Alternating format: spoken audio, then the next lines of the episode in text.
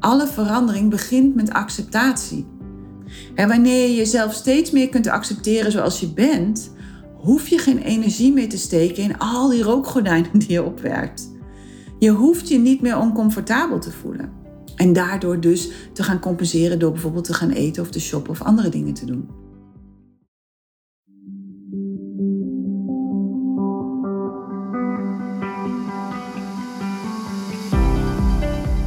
Welkom bij de Eetgeluk Podcast met Eetgeluk-expert Carola van Bemmelen, waarin je leert hoe je weer een relaxte relatie kunt creëren met eten.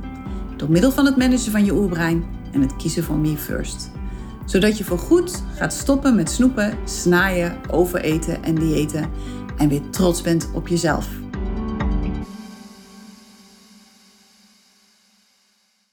Dag mooie vrouw! Om maar gelijk met de deur in huis te vallen. In hoeverre ben jij in staat om jezelf te accepteren zoals je bent? In hoeverre ben jij volledig oké met jezelf? In hoeverre kun je tegen jezelf zeggen, zelfs als er helemaal niets verandert, dan is het oké en hou ik even goed van mezelf? In hoeverre vind jij jezelf oprecht mooi en aantrekkelijk als je in de spiegel kijkt? Antwoord daarop gewoon eens heel eerlijk voor jezelf. En ik weet van mezelf dat het een hele lange weg is om daar te komen. Tenminste, dat was het voor mij. Mijn hele jonge leven ben ik gepest. Ik denk tot mijn twintigste wel. En ik dacht altijd dat het kwam vanwege mijn eigenwijs haar. Want ik heb heel eigenwijs haar. Als ik nu ook foto's terugzie van vroeger, het staat echt alle kanten op. Achteraf had ik gewoon krullen en waren ze gewoon niet goed geknipt. Maar goed, dat wisten we toen natuurlijk ook allemaal nog niet, dat er krullenkappers en zo bestaan. En ik had natuurlijk mijn geweldige jampotglazen. Hè. Ik bedoel, plus zes. Zonder bril ben ik echt gewoon blind. Dus toen ik begin twintig was, toen was ik daar echt wel klaar mee. En besloot ik om contactlens te nemen. Maar goed, vanwege mijn sterkte, hè, plus zes, gecombineerd met de cilinder die ik nodig heb.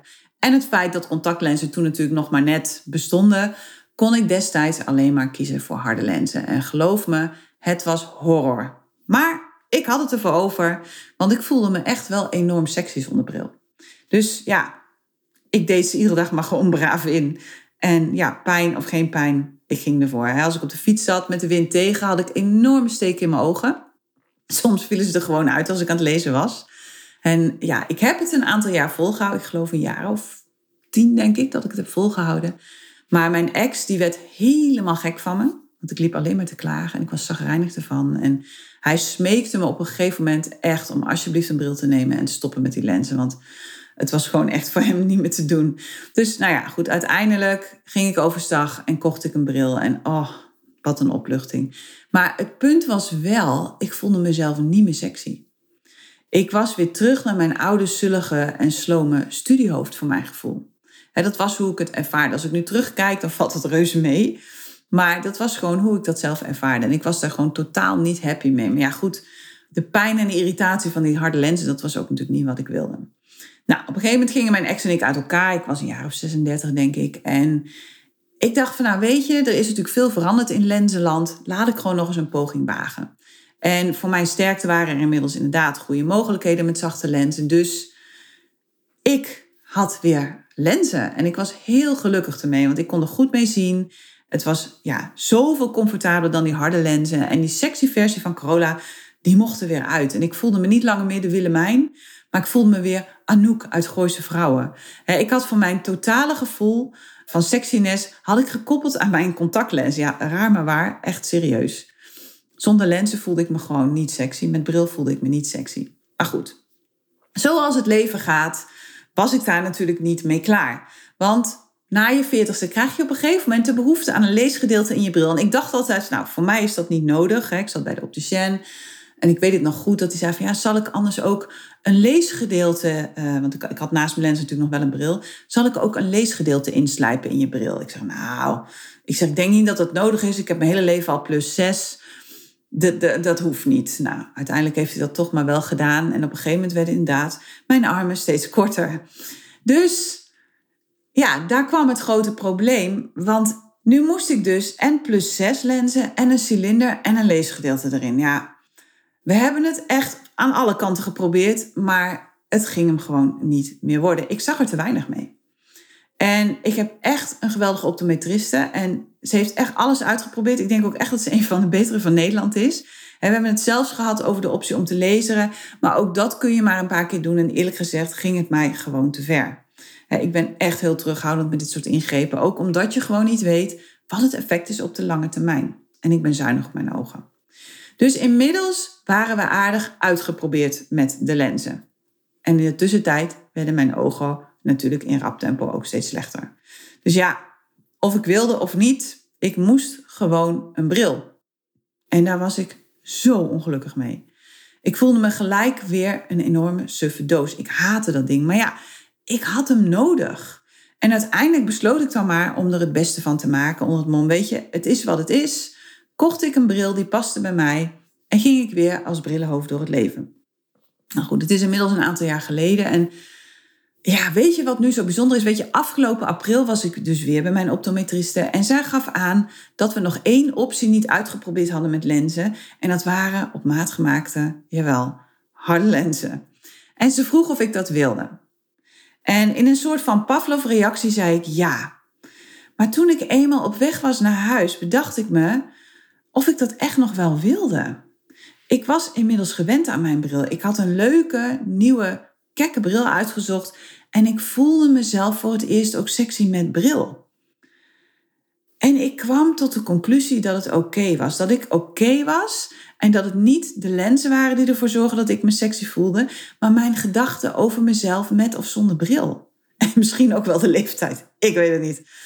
Ik heb in ieder geval de lenzen uitgeprobeerd. En nou echt binnen een uur kwamen alle horrorervaringen uit het verleden weer naar boven. En zodra ik ze in had, wist ik weer hoe ik, hoe ik me ellendig gevoeld heb. En, en waarom ik gestopt ben met die harde lenzen destijds. Dus, nou ja, lang verhaal kort. Ik heb het echt serieus een kans gegeven, maar ik heb ze teruggebracht. Ik heb ze ingeleverd. En in plaats daarvan heb ik nog een nieuwe bril uitgezocht. Opnieuw een kek en gaaf montuur. Want weet je, dat is dan weer het fijne aan het verhaal. Mijn ogen zijn inmiddels stabiel.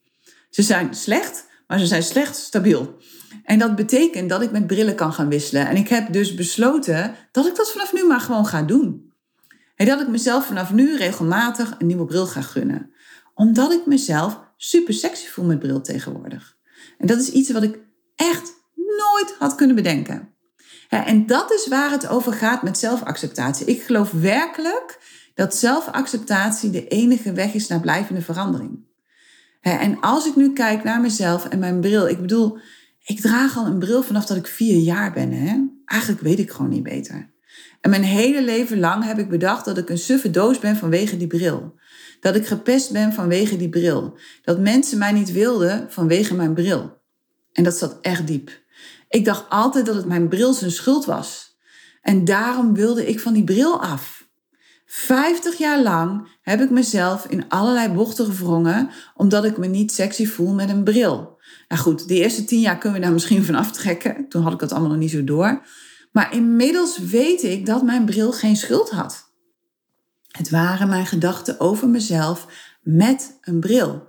En al deze gedachten hebben gezorgd voor een strijd met mezelf. En een zoektocht naar de juiste contactlenzen. Man, daar ben ik druk mee geweest. Hoeveel uur daar al niet in heeft gezeten. Hoeveel geld daar naartoe is gegaan. Maar goed, die strijd is nu voorbij. Vanaf nu wordt het een strijd om niet steeds een nieuwe leuke bril uit te zoeken. Want echt, nu ik heb geaccepteerd dat ik nou eenmaal een bril nodig heb. En anders naar mezelf ben gaan kijken met bril. Zie ik werkelijk het ene fantastisch leuke montuur naar het andere. En, en ik heb natuurlijk Debbie. Dus dan gaat Debbie gewoon mee. En die zegt, deze moet je op. En dan ga ik dat helemaal ownen. Dat is gewoon echt superleuk. Dus ineens is het geen probleem meer, maar juist een leuke bijkomstigheid dat ik een bril moet dragen. En doordat ik mezelf heb geaccepteerd op dat stukje, doordat ik helemaal oké ben met mezelf met een bril, merk ik ook dat ik rust heb op dat gebied. En dat ik me goed voel over mezelf op dat gebied. Waardoor er steeds meer ruimte komt voor mij en voor wie ik ben. ik sta mezelf steeds meer toe om mezelf te zijn, om steeds meer van mezelf te laten zien. Om mezelf niet meer anders voor te doen dan ik ben. en dat klinkt misschien heel tegenstrijdig, maar alle verandering begint met acceptatie. Vaak denken we massaal dat we wanneer we onszelf accepteren of wanneer we de situatie accepteren, dat we dan niet meer in beweging komen. Dat we dan nooit meer de dingen gaan doen die nodig zijn of waarvan we vinden dat we ze moeten doen. Maar ik denk en weet en heb inmiddels wel ervaren dat het tegenovergestelde het geval is.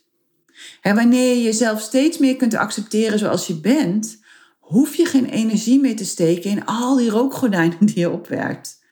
Je hoeft je niet meer oncomfortabel te voelen. En daardoor dus te gaan compenseren door bijvoorbeeld te gaan eten of te shoppen of andere dingen te doen.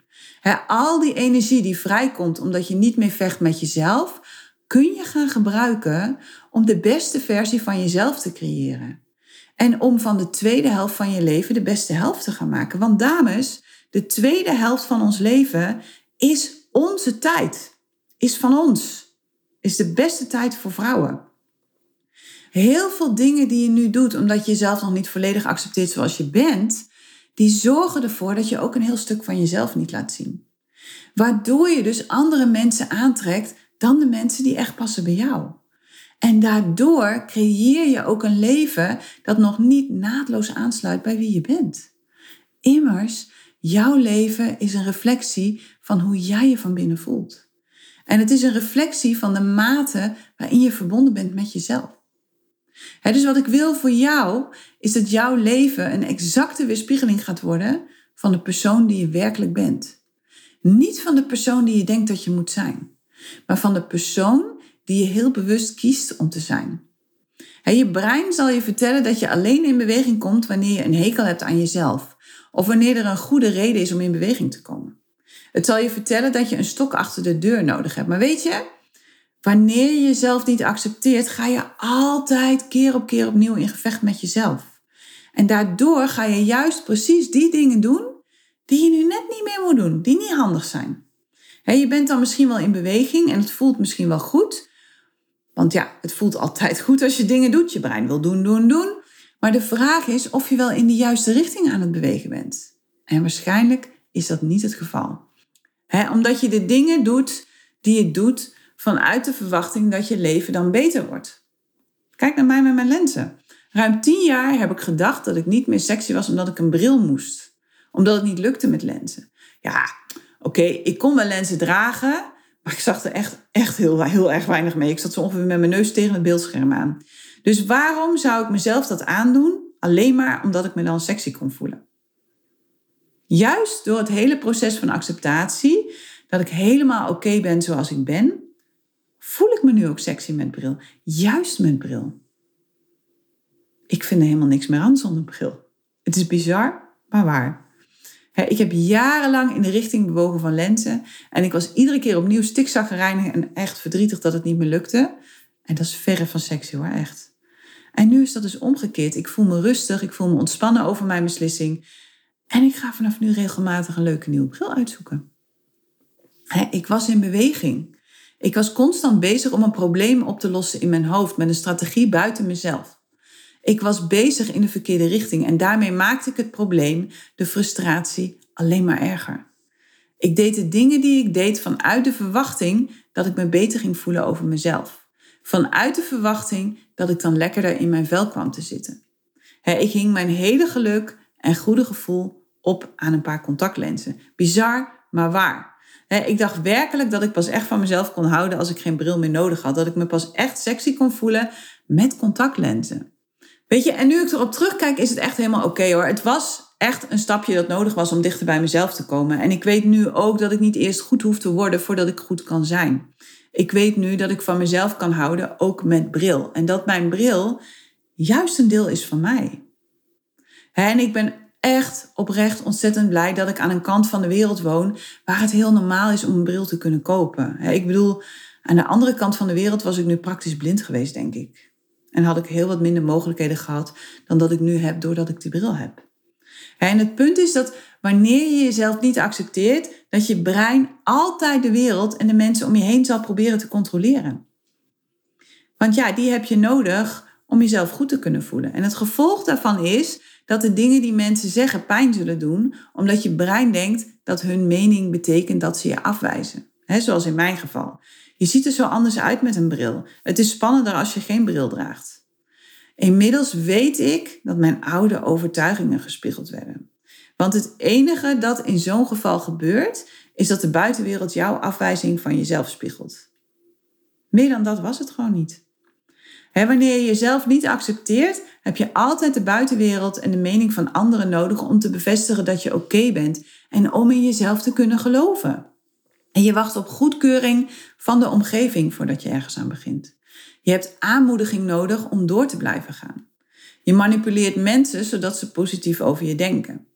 Je bent bezig om mensen te overtuigen dat wat je doet, dat dat goed is. Je denkt dat je eerst moet afvallen voordat je goed genoeg bent.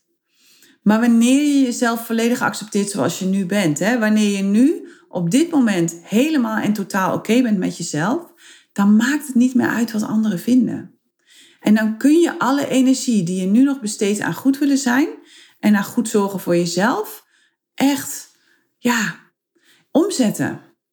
Iedere dag opnieuw loopt er zoveel energie weg in al die gevechten die we hebben met onszelf. Aan al die dingen waarvan we denken dat ze nodig zijn om gelukkiger te zijn.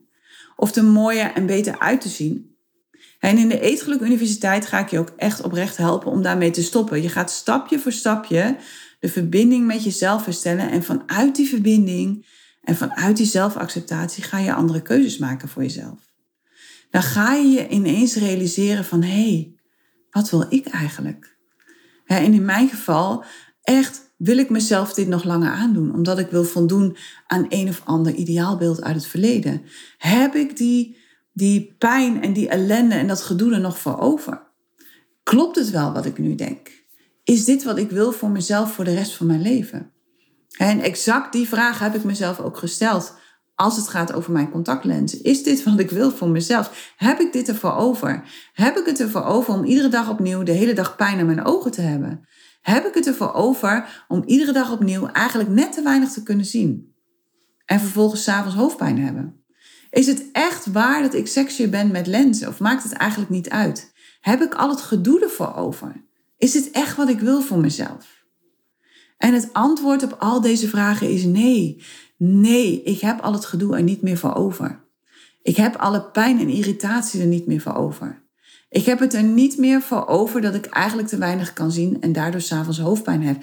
Dat is niet meer wat ik wil voor mezelf. Dat is niet liefde geven aan mezelf. om diezelfde reden ben ik ook gestopt met het dragen van corrigerend ondergoed. Ik heb me kort geleden nog even laten verleiden, eerlijk is eerlijk. Maar ik merk dat ik het gewoon niet meer wil. Ik wil mezelf niet langer meer in een dwangbuis wringen. Dan kies ik liever voor kleding die past bij mijn lichaam en die lekker zit en waarin ik me lekkerder voel.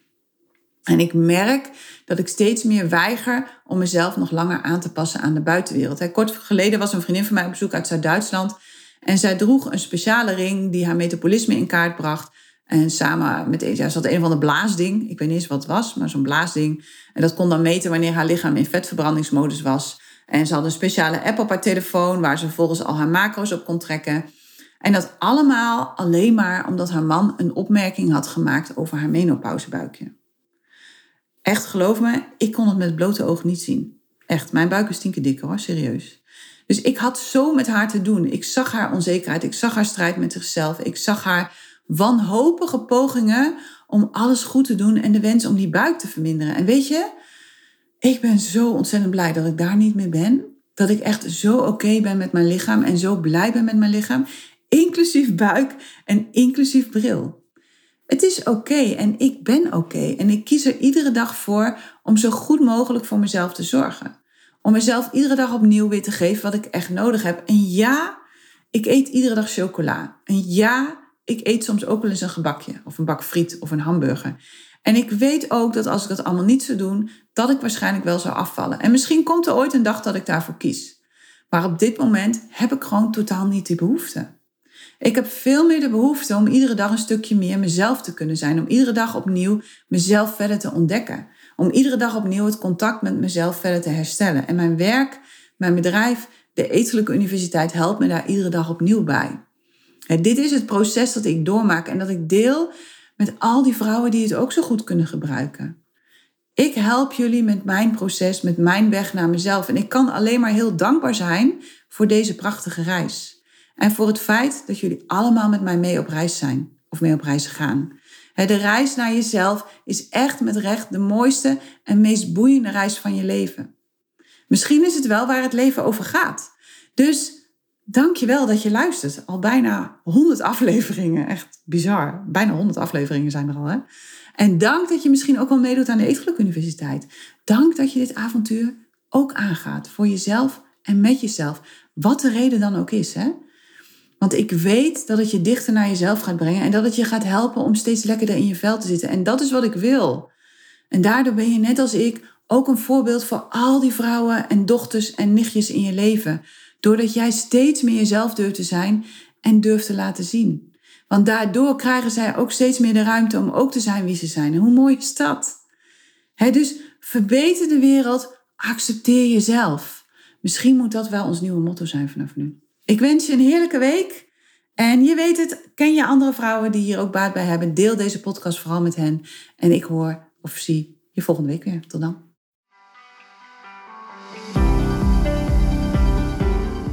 Hey, als je het fijn vond om naar deze podcast te luisteren, deel hem dan vooral met alle andere vrouwen in jouw omgeving waarvan je denkt dat ze er wat aan kunnen hebben. En help me door een recensie achter te laten op het platform waarop je luistert. Laten we er samen voor gaan zorgen dat de huidige dieetmaatschappij gaat stoppen. Want dat is echt heel hard nodig. Wil je dat doen voor me? Ik reken op je.